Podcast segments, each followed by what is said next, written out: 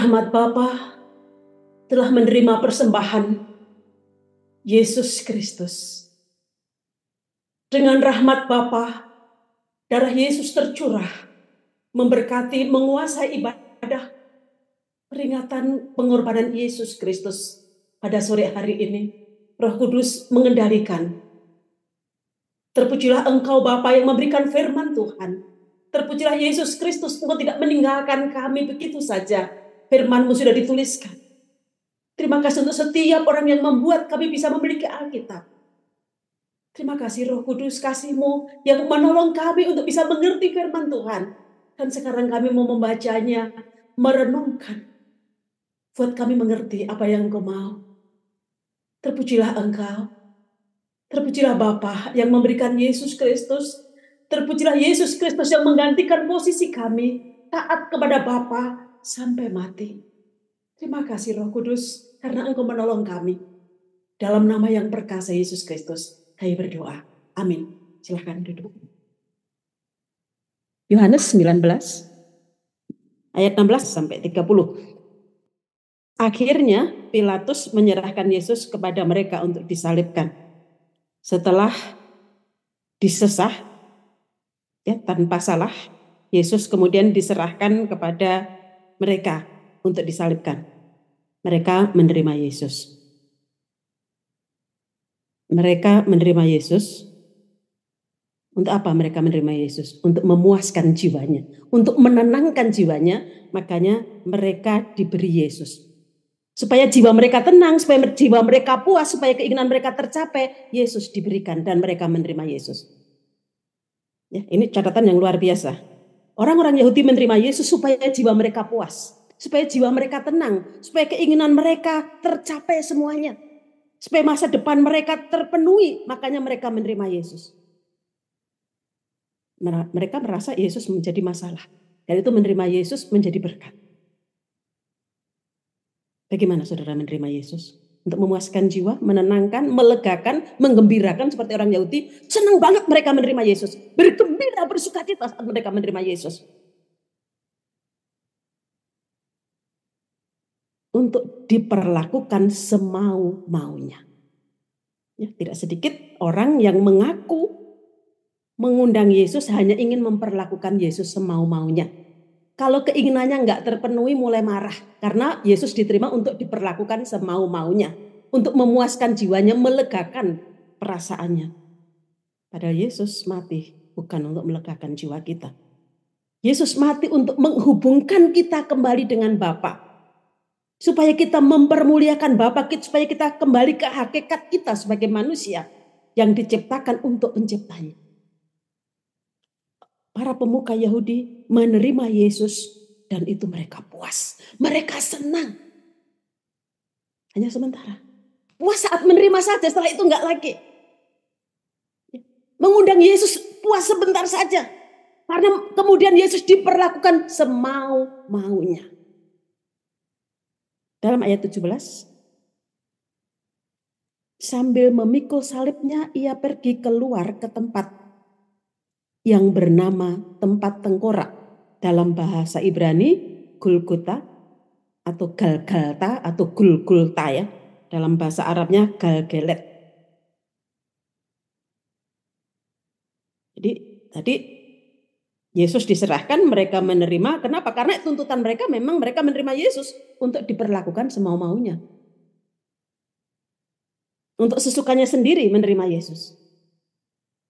Karena mereka tidak bisa menghukum mati Yesus, makanya mereka meminta Pilatus memutuskan untuk dia Yesus bisa diperlakukan semau-maunya.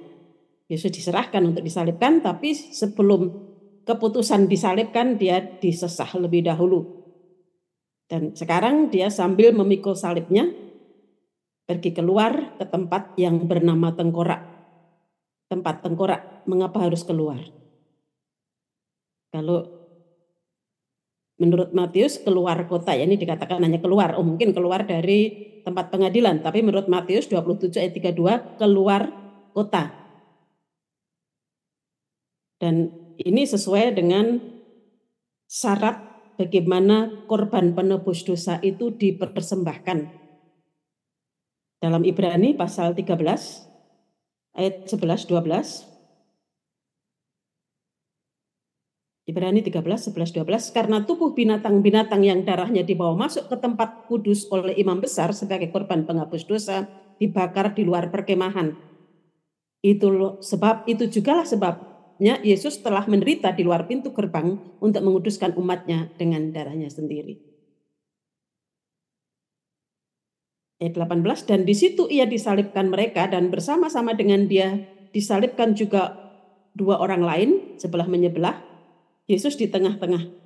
Dan ini mengenapkan nubuat Yesaya dalam Yesaya 53 ayat 12b. Ia terhitung di antara pemberontak-pemberontak sekalipun ia menanggung dosa banyak orang dan berdoa untuk pemberontak-pemberontak ya dia terhitung di antara pemberontak-pemberontak karena matinya di tengah pemberontak. Hukumannya pun hukuman untuk pemberontak sekalipun ia menanggung dosa banyak orang dan berdoa untuk pemberontak-pemberontak. Ayat 19 dan Pilatus menyuruh memasang juga tulisan di atas kayu salib itu bunyinya Yesus orang Nazaret, raja orang Yahudi. Nah, mengapa Pilatus menuliskan ini? Ya Pilatus bukan asal menulis ya, dia kan sudah meneliti dulu. Dilihat dari pasal 18 ayat 33, pasti bukan hanya itu kalimat yang diucapkan oleh Pilatus, sudah ada dialog antara dia dengan Yesus. Selain dia mendengarkan tuduhan orang Yahudi, dia juga berbicara dengan Yesus. Dan dalam pasal 18 ayat 33, maka kembalilah Pilatus ke gedung pengadilan, lalu memanggil Yesus dan bertanya kepadanya, engkau inikah raja orang Yahudi? Mengapa Pilatus bertanya? Karena dia sudah punya pemikiran ya dari penyataan-penyataan dari tuduhan-tuduhan yang pasti dia lihat tuduhan-tuduhan palsu. Nampaknya Yesus memang raja orang Yahudi. Karena itu ditulis Yesus orang Nazaret, raja orang Yahudi.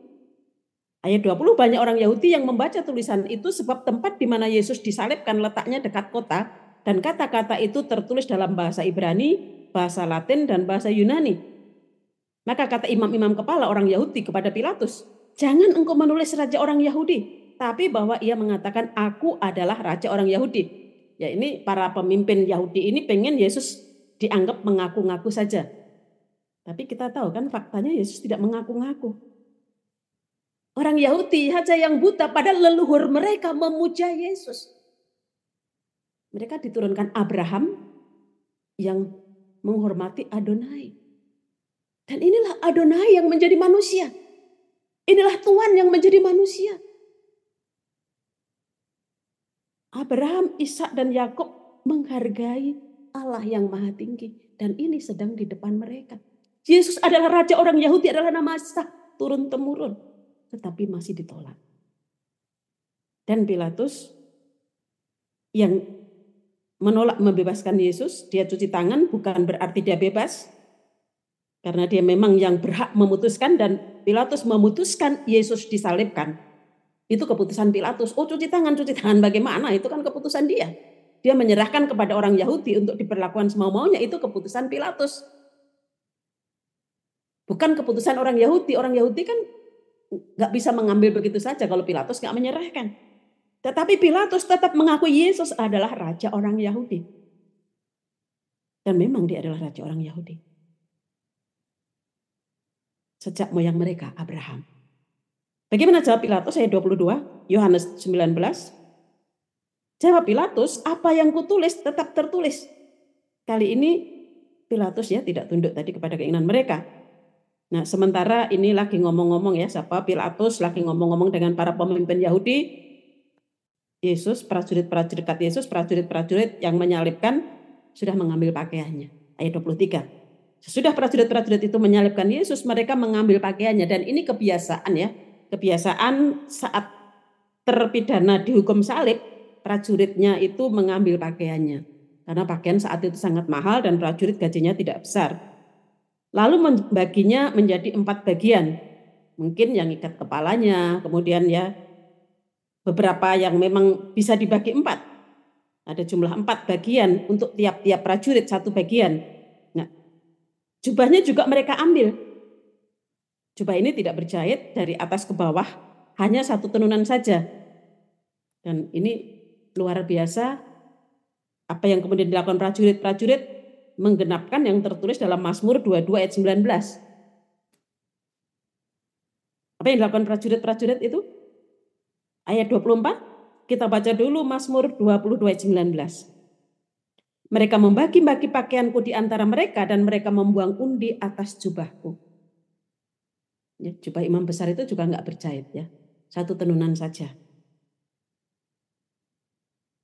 Ya karena itu mereka berkata seorang kepada yang lain, janganlah kita membaginya menjadi beberapa potong, tapi baiklah kita membuang undi untuk menentukan siapa yang mendapatnya.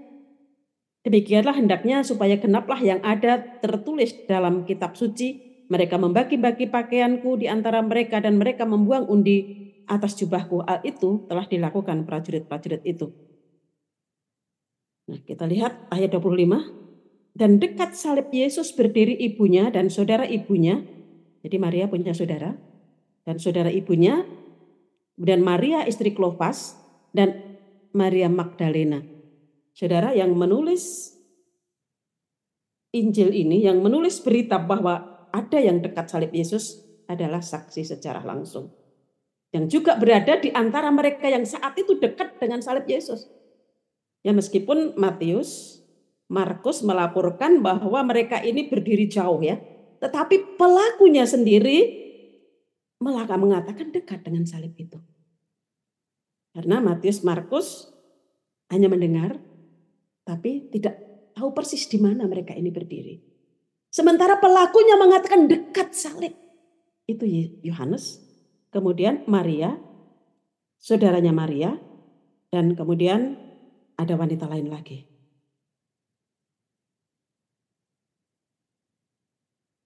Bagaimana kira-kira perasaan Maria saat itu?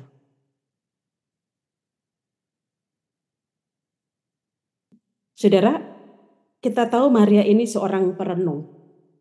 Seorang yang selalu merenungkan apa yang sudah diketahui, apa yang sudah didengarnya.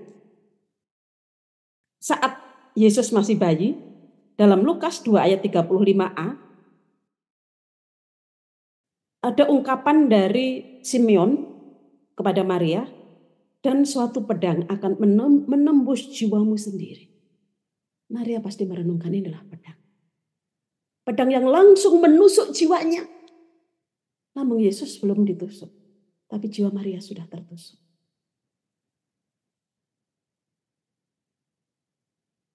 Maria belum terlalu tua, belum setua saya paling tidak.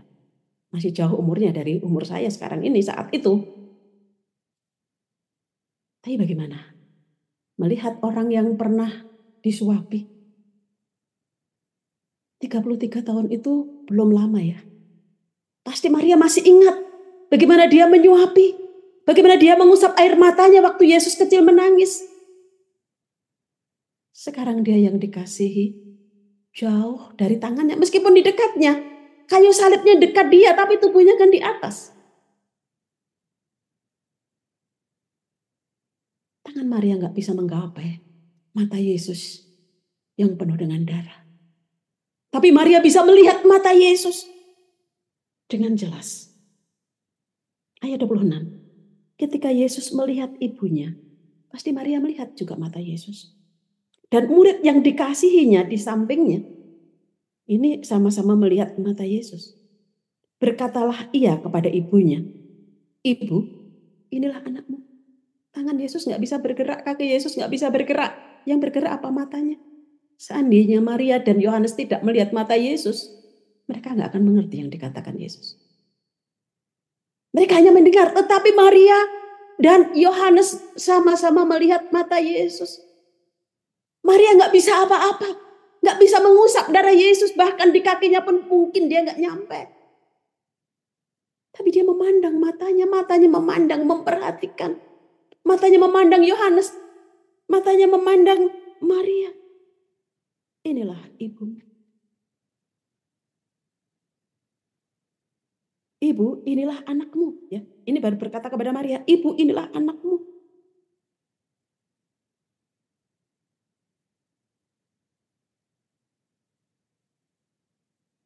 Kemudian katanya kepada muridnya, ayat 27, inilah ibumu.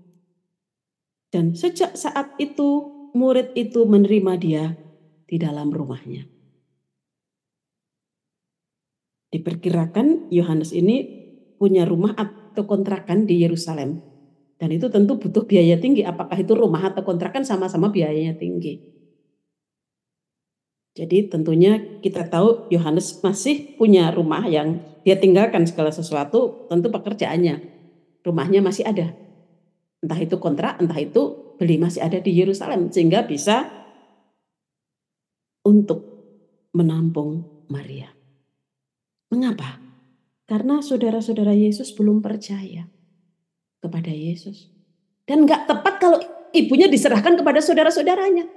Dan Maria saat itu butuh penghiburan, butuh pertolongan. Inilah ibumu. Inilah anakku. Dua orang yang sama-sama dekat dengan Yesus. Betapa beruntungnya Yohanes mendapat hak istimewa. Kalau kita melihat dalam tulisan Yohanes pasal 15, Yohanes 15 ayat 10 sampai 15 saja. Saya akan bacakan. Jikalau kamu menuruti perintahku, kamu akan tinggal dalam kasihku. Seperti aku menuruti perintah Bapakku dan tinggal di dalam kasihnya. Perintah Tuhan banyak. Dan ini perintah yang tidak terlalu sulit. Menerima Maria di rumahnya. Semuanya itu kukatakan kepadamu supaya sukacitaku ada di dalam kamu dan sukacitamu menjadi penuh. Inilah perintahku yaitu supaya kamu saling mengasihi seperti aku telah mengasihi kamu. Bagaimana nanti juga saudara-saudara Yesus datang. Yang kemudian Yakobus juga menjadi sokok guru jemaat kemudian hari. Yakobus yang menjadi gembala di sidang jemaat yang miskin di Yerusalem setelah percaya kepada Yesus. Kamu adalah sahabatku jikalau kamu berbuat apa yang kuperintahkan kepadamu. Aku tidak menyebut kamu lagi hamba, sebab hamba tidak tahu apa yang diperbuat oleh tuannya. Tetapi aku menyebut kamu sahabat, karena aku telah memberitahukan kepada kamu segala sesuatu yang telah kudengar dari Bapakku. Bagaimana Yohanes menjadi sahabat Yesus? Bagaimana Yesus menjadi sahabat Yohanes? Bagaimana Yohanes memegang tugas yang sebenarnya menjadi tugas Yesus. Memelihara ibunya pada masa tuanya. Dan kita tahu Yohaneslah satu-satunya rasul yang matinya normal ya dari antara semua rasul yang lain. Yang tidak mati dibunuh atau tidak mati dalam eksekusi hukum. Meskipun Yohanes juga dihukum tetapi matinya mati normal seperti orang lain dan umurnya sangat tua. Hampir 100 tahun atau sekitar 100 tahun. Dan pada masa tuanya, Yesus pun menjumpai Yohanes di Pulau Patmos. Menjumpai sahabatnya. Berbahagialah kita yang mendengarkan, menerima perintah Tuhan dan melakukannya. Gak semua orang ya punya hak untuk mendapatkan perintah Tuhan. Karena itu perintah sekecil apa pun dari Tuhan, kerjakanlah dengan sungguh-sungguh dengan segenap hati, jiwa, dan kekuatan. Kalau kita setia terhadap perkara yang kecil, pada kita akan dipercayakan perkara yang lebih besar. Yohanes menerima kepercayaan yang luar biasa dari Yesus. Sesudah itu, ayat 28, karena Yesus tahu bahwa segala sesuatu telah selesai, berkatalah ia, supaya genaplah yang ada tertulis dalam kitab suci, aku haus. Aku haus saja. Mengapa masuk di sini? Karena dia manusia sejati. Kalau dia tidak manusia sejati, kita nggak akan selamat. Kalau Yesus bukan manusia sejati, kita tidak ada seorang pun yang akan bisa bertemu dengan Bapa. Ini mengenapkan dari Mazmur 69 ayat 22b. Pada waktu aku haus, mereka memberi aku minum anggur asam. Dan ayat 29, dari bacaan kita, di situ ada suatu bekas atau bejana penuh anggur asam. Maka mereka mencucukkan bunga karang yang telah diculupkan di dalam anggur asam pada sebatang hisop lalu mengunjukkannya ke mulut Yesus. Ya tentunya bukan sekedar hisop ya, tetapi tombaknya prajurit juga dipakai untuk menolong hisop dan menaikkan ke mulut Yesus. Dan ini minuman yang memang biasa diminum oleh orang-orang Romawi saat kondisi panas dan lelah. Itu menyejukkan. Nah, semula kalau saudara lihat ya saat semula Yesus mau diberi minum anggur campur mur, Yesus menolaknya. Kalau dilihat dari Markus 15 ayat 23, lalu mereka memberi anggur bercampur mur kepadanya, tapi ia menolaknya karena minuman itu bukan menu menyegarkan, tapi meminum minuman-minuman mati rasa. Minuman membuat Yesus tidak merasakan apa-apa. Jadi nampaknya mereka masih punya rasa kemanusiaan. Jangan sampai yang dihukum ini merasakan sakit, makanya dikasih anggur campur mur, tapi Yesus menolak. Karena Yesus mau menanggung dosa Anda dan saya, maka dia harus merasa sungguh-sungguh. Tidak setengah rasa saja, tapi betul-betul merasakan.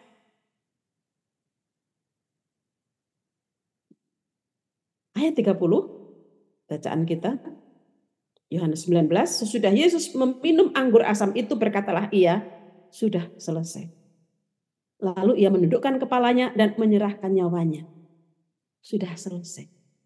Apa yang sudah selesai?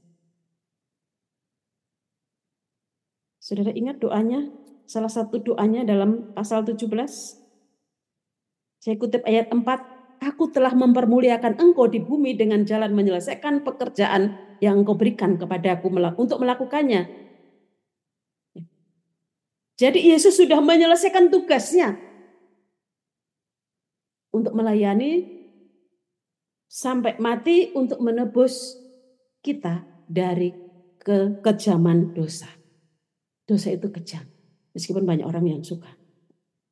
Padahal dosa itu kejam terhadap orang itu. Yesus mau membebaskan kita dari kekejaman dosa supaya mata kita terbuka betapa kejamnya dosa. Sudah selesai. Yesus pernah berjanji kepada Hawa dalam Kejadian 3 ayat 15. Itu Yesus sendiri yang langsung berjanji sebelum menjadi manusia. Ia berjalan-jalan kan dalam taman sejuk. Kemudian salah satu janjinya kepada Hawa, keturunannya, kejadian 3, 15b, keturunannya atau dalam bahasa Ibrani-nya langsung ditulis hu, hu itu iya untuk laki-laki. Seorang anak laki-laki atau laki-laki dari keturunan Hawa ini akan mememarkan atau meremukkan kepala ular. Dan ular akan mematuk jadi terjemahan di sini meremukkan, bisa juga diterjemahkan mematuk tumitnya.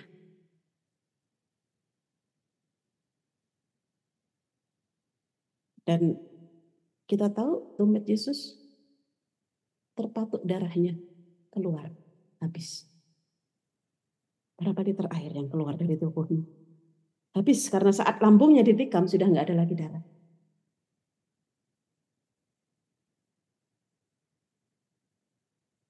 Sama seperti anak manusia datang bukan untuk dilayani, melainkan untuk melayani, untuk memberikan nyawanya menjadi tebusan bagi banyak orang. Jadi Yesus sudah menyelesaikan janjinya kepada manusia. Yesus menyelesaikan janjinya kepada Bapa. Dan berkali-kali dia berkata kepada para murid, contohnya dalam Yohanes 10 ayat 11. Akulah gembala yang baik. Gembala yang baik memberikan nyawanya bagi domba-dombanya. Dan ayat 18, Yohanes 10, tak seorang pun mengambilnya daripadaku, melainkan aku memberikannya menurut kehendakku sendiri. Aku berkuasa memberikannya dan berkuasa mengambilnya kembali.